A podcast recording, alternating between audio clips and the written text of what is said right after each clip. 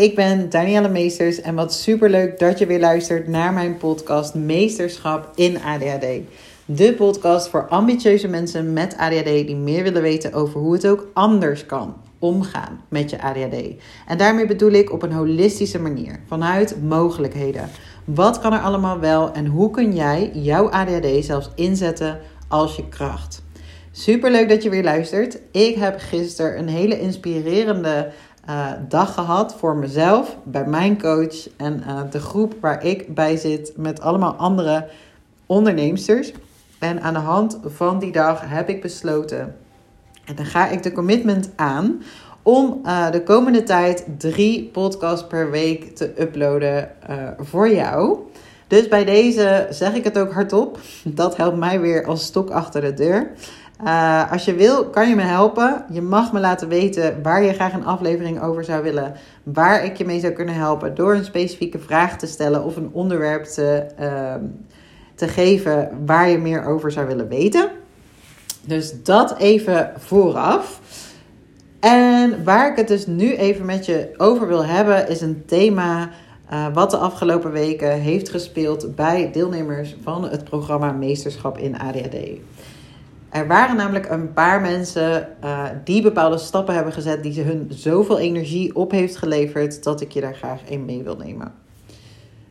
Vaak zie ik dat de mensen die bij me komen die vragen hebben dat ze zeggen: ja, ik heb geen energie, ik voel heel erg een energielek, uh, die makkelijk overprikkeld zijn, moeite hebben met uh, nou ja, extra dingetjes doen. Eigenlijk mensen waar de emmer al van hartstikke vol is en dat er maar het minste of geringste hoeft te gebeuren en dat je dan overloopt en dan heel erg in de onrust komt, vanuit angst dingen gaat doen, keuzestress krijgt en eigenlijk letterlijk in een stressmodus komt.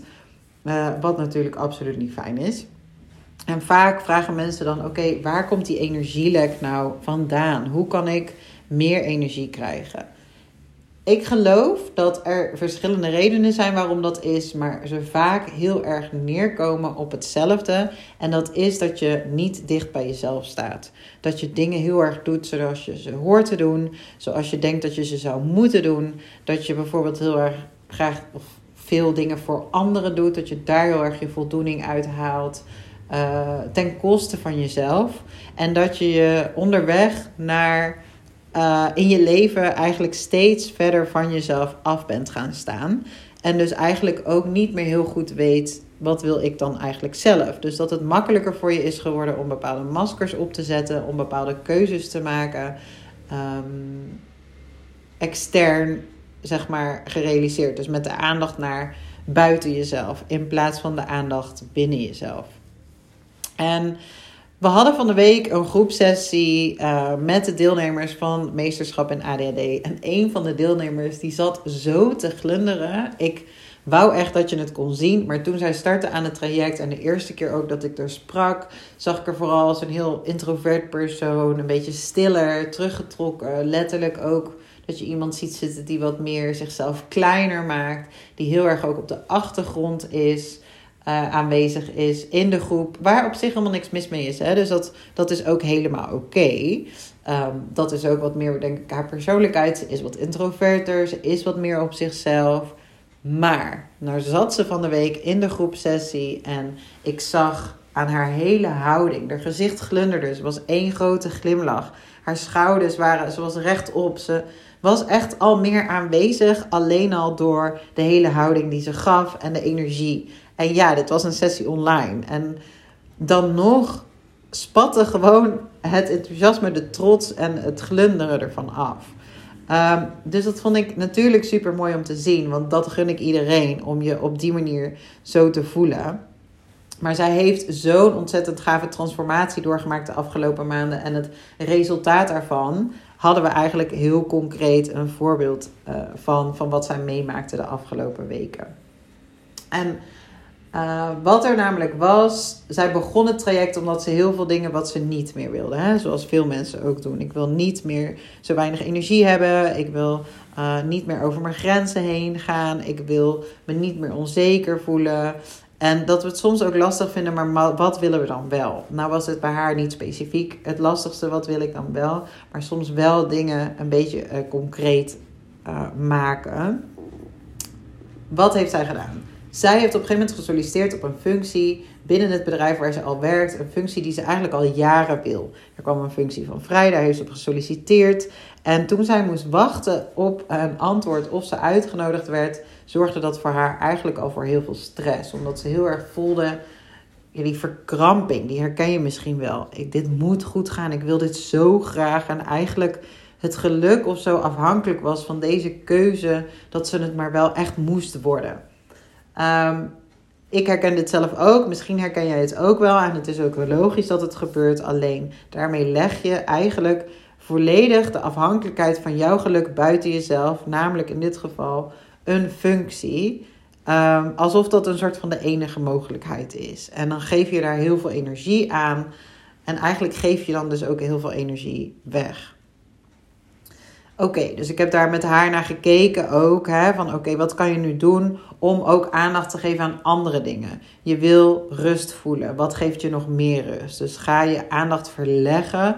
Niet meer die volledige focus leggen op die functie. En wat als, maar dan. Nee, ga je aandacht verleggen ook aan andere dingen. Wat je op dit moment rust geeft. Wat daar ook al heel erg hielp. Um, maar, lang verhaal kort, werd uitgenodigd voor een gesprek. En um, afgelopen dinsdag toen we die sessie hadden, had ze dat gesprek gehad en zat ze dus zo te glunderen. Dus ik vroeg aan haar, hoe ging het? Ja, het ging echt fantastisch. Oké, wat maakte nou dat het zo goed ging? Ze zei, nou, ik ben volledig eerlijk geweest. Ik ben helemaal mezelf geweest. Ik was helemaal open en dat voelde zo ontzettend goed dat het me eigenlijk niet eens meer uitmaakt wat de uitslag is. Um, want aan hoe ik mezelf heb gepresenteerd, kan het niet meer liggen. Nou, en dit is echt om zoveel verschillende redenen goed nieuws. Omdat één, ze is dus niet meer afhankelijk van de uitslag. Zij heeft heel erg het geluk in haar gevonden. En niet, legt ze dus niet meer buiten zichzelf. Ja, natuurlijk wil ze nog steeds graag de functie. En um, natuurlijk voel je nog steeds de spanning dat je dit wilt, maar niet meer je volledige aandacht daarbij en dat het echt afhankelijk is je geluk van of je het nou wel of niet wordt. Want wat eigenlijk nog veel belangrijker was in het hele proces, is dat ze echt heeft gevoeld dat ze zichzelf kon zijn, dat ze er ook helemaal mag zijn met haar kwaliteiten, ook met haar valkuilen en dat je heerlijk echt het gevoel hebt dat je eerlijk en open bent naar jezelf toe, vooral, maar ook naar anderen. Dus zij heeft dus dit proces doorgemaakt dat ze ook zichzelf accepteert hoe ze is. Zodanig daar vrede en liefdevol voor kan zijn naar zichzelf. Dat ze zover is gekomen om dat ook daadwerkelijk te delen, eigenlijk naar buiten toe. Um, dat gaat dus boven, dat staat ver boven het resultaat wat je uiteindelijk behaalt. Niet de baan zorgt ervoor dat je gelukkig voelt, dat draagt daar zeker aan bij. Maar vooral het volledig luisteren naar jezelf en jezelf kunnen zijn, ja, is gewoon vele malen effectiever en doet echt zeg maar veel meer met je innerlijke geluk. Vervolgens mag je er en kan je er ook veel makkelijker op vertrouwen dat het goed komt. Je kan het loslaten. Je kan het uit handen geven omdat je voelt: ik heb het goed gedaan. Ik heb het volledig gedaan vanuit mijn eigen kracht. Uh, je gaat je dus ook minder druk maken over: oh shit, ik had dit moeten zeggen. Of misschien had ik dat net iets anders moeten zeggen. Um, misschien hadden ze toch verwacht dat ik het zo en zo zou doen. Nee, want het voelt voor jou goed omdat je bij jezelf bent gebleven. Dus dat is echt een heel groot verschil. Juist doordat ze volledig zichzelf is geweest, omdat ze zelf zo goed voelde dat ze paste bij die baan en dat zo goed kon omschrijven, omdat ze dus dichter bij zichzelf is gekomen, maar ook veel meer die zelfkennis heeft, um, heeft ze natuurlijk de functie gekregen en is ze aangenomen voor de functie. Ik zeg nu natuurlijk, dat gebeurt misschien niet altijd, maar als jij volledig jezelf bent geweest, als jij het gevoel hebt gehad, ik heb mezelf gegeven precies zoals ik ben, en dat voelt goed. Stel, je krijgt de functie niet, dan is het ook makkelijker om te zeggen, dan was het ook niet de functie voor mij. Want ze hebben me volledig gezien voor wie ik was. Daaruit hebben zij een keuze gemaakt. En blijkbaar paste ik dan niet helemaal in het plaatje. Maar dan weet je dat ook weer vanuit dat je jezelf dus helemaal volledig hebt laten zien. hoe ging nou deze topper van die onzekere, zichzelf klein houdende persoon die ze was, naar degene die nu nog steeds niet kan geloven dat ze aan is genomen voor een droombaan die ze al jarenlang wil? Door inzicht te krijgen in zichzelf. Door aandacht te geven aan het positieve. Ze heeft de afgelopen maanden heel, veel, heel erg aan zichzelf gewerkt. En ze heeft heel veel werk gedaan om aandacht te richten op wat ze wel wilde. In plaats van op wat ze niet meer wilde. Dus voorheen was het: ik wil niet meer overprikkeld zijn. En uh, ging ze ook aan de slag met een schema. Uh, wat zorgt nou dat ik overprikkeld ben? Dus dat ging ze helemaal af, opschrijven. En toen zei ik tegen haar: Oké, dat kan je doen. En dat is niet per se slecht. Maar wat je dan doet, is aandacht geven aan de overprikkeling. Je bent dus heel erg bezig met de overprikkeling, waardoor je het groter maakt. Het is veel effectiever wanneer je aandacht geeft aan wat wil je wel ervaren. Is de rust die je wil ervaren, het geluk die je wil ervaren, de energie die je wil ervaren. En daar aandacht aan te geven en in kaart te brengen wat geeft me energie. En dit is eigenlijk uh, maar een voorbeeld daarvan. Ze heeft een heel helder beeld van zichzelf, wat haar kwaliteiten zijn en haar talenten en wat ze te bieden geeft. Door aandacht te geven aan het positieve, groei je veel meer in je kracht en in je zelfvertrouwen. En ze heeft zichzelf echt toegestaan om te dromen. Te dromen over wat er allemaal mogelijk is.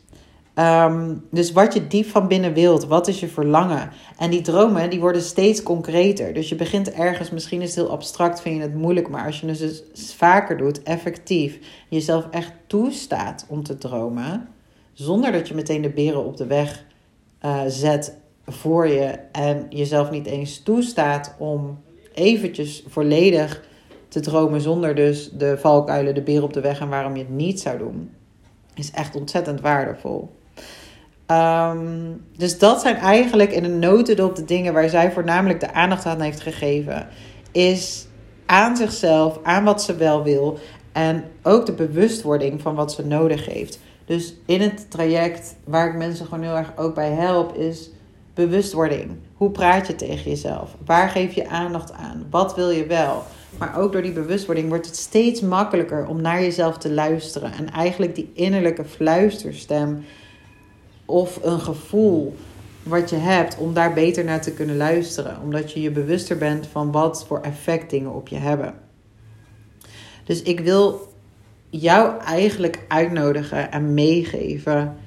Ehm, ga eens eventjes nadenken over waarin kan jij op dit moment volledig eerlijk zijn tegen jezelf. Dus wat geef je nu geen aandacht? Welk gevoel onderhuids? Wat is er bij jou? Wat zorgt nu voor spanning? Waar je eigenlijk niet helemaal eerlijk over bent tegen jezelf, maar wat je al lang weet. Wees eerlijk tegen jezelf. Geef er aandacht aan. En vervolgens wees eens eerlijk naar de ander toe. Dus als het misschien met iemand anders te maken heeft, of als iemand anders daarin iets uh, kan betekenen, of misschien is het los volledig van anderen, maakt niet uit. Zeg het hardop. Zeg het hardop. Al is het hardop tegen jezelf, maar bel liever nog een vriend of vriendin en zeg hardop waarin jij volledig eerlijk kan zijn tegen jezelf. Dit mag groot of klein zijn, het maakt niet uit wat het is. Maar gun jezelf nou gewoon eens om er wel naar te luisteren. Om uit je comfortzone te stappen, door bij jezelf te blijven en andere keuzes te maken. Een ongeluk, ongemakkelijke keuze te maken eigenlijk, die jou iets oplevert. En je gaat zien, je gaat merken, je gaat ervaren hoeveel energie het je geeft. Dus als jij nu voelt dat je een energielek hebt, dat je uh, ontzettend moe bent, ga dan eens na en wees eerlijk tegen jezelf. Wat heb je nodig? En luister daar vervolgens naar. Ik wil je eigenlijk nog wel een klein voorbeeld geven van mezelf. Gisteren nog, ik had dus een hele inspirerende dag. En ik had tegen mezelf gezegd: Oh, lekker, ik ga mezelf verwennen. Ik ga gewoon lekker eten waar ik zin in heb tijdens de lunch. Ik ga niet te veel letten op het oh, wel gezond, niet gezond. Ehm, gewoon mezelf eventjes daarin verwennen. Ik, de kinderen waren uit logeren, dus we gingen s'avonds ook uit eten. Dus ik had daar gewoon zin in om dat te doen. Maar vervolgens merkte ik achteraf dat ik eigenlijk niet echt naar mezelf heb geluisterd. Dus um, het was allemaal en, en, en, en. En uiteindelijk uh, was het niet per se de goede keuze.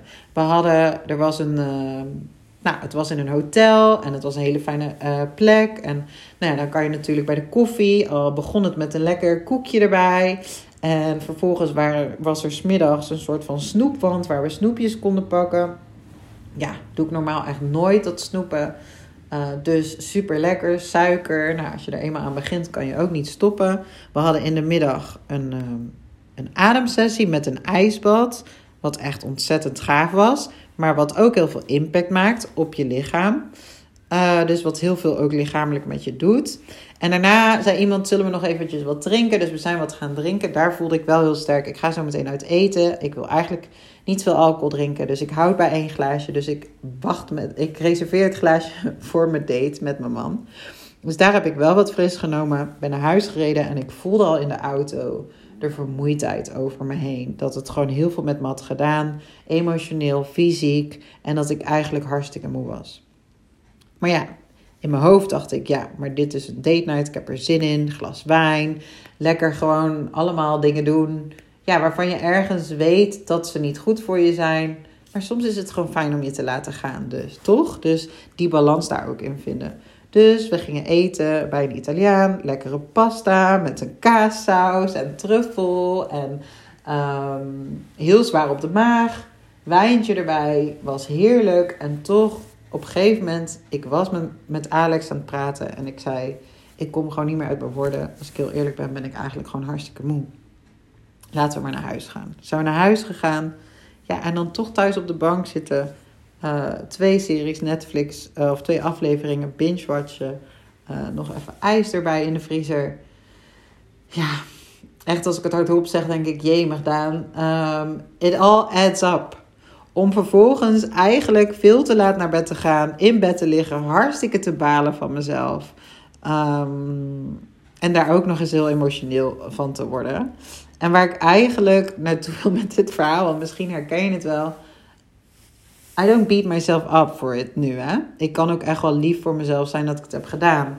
Maar ik voel het vandaag in mijn energie. Ik had vanochtend zelfs echt een beetje een kater ervan. Ik had één glas alcohol, maar ik had ook de hele dag suiker gegeten. Als je dat nooit doet, dan merk je ook gewoon de impact op je lijf veel meer.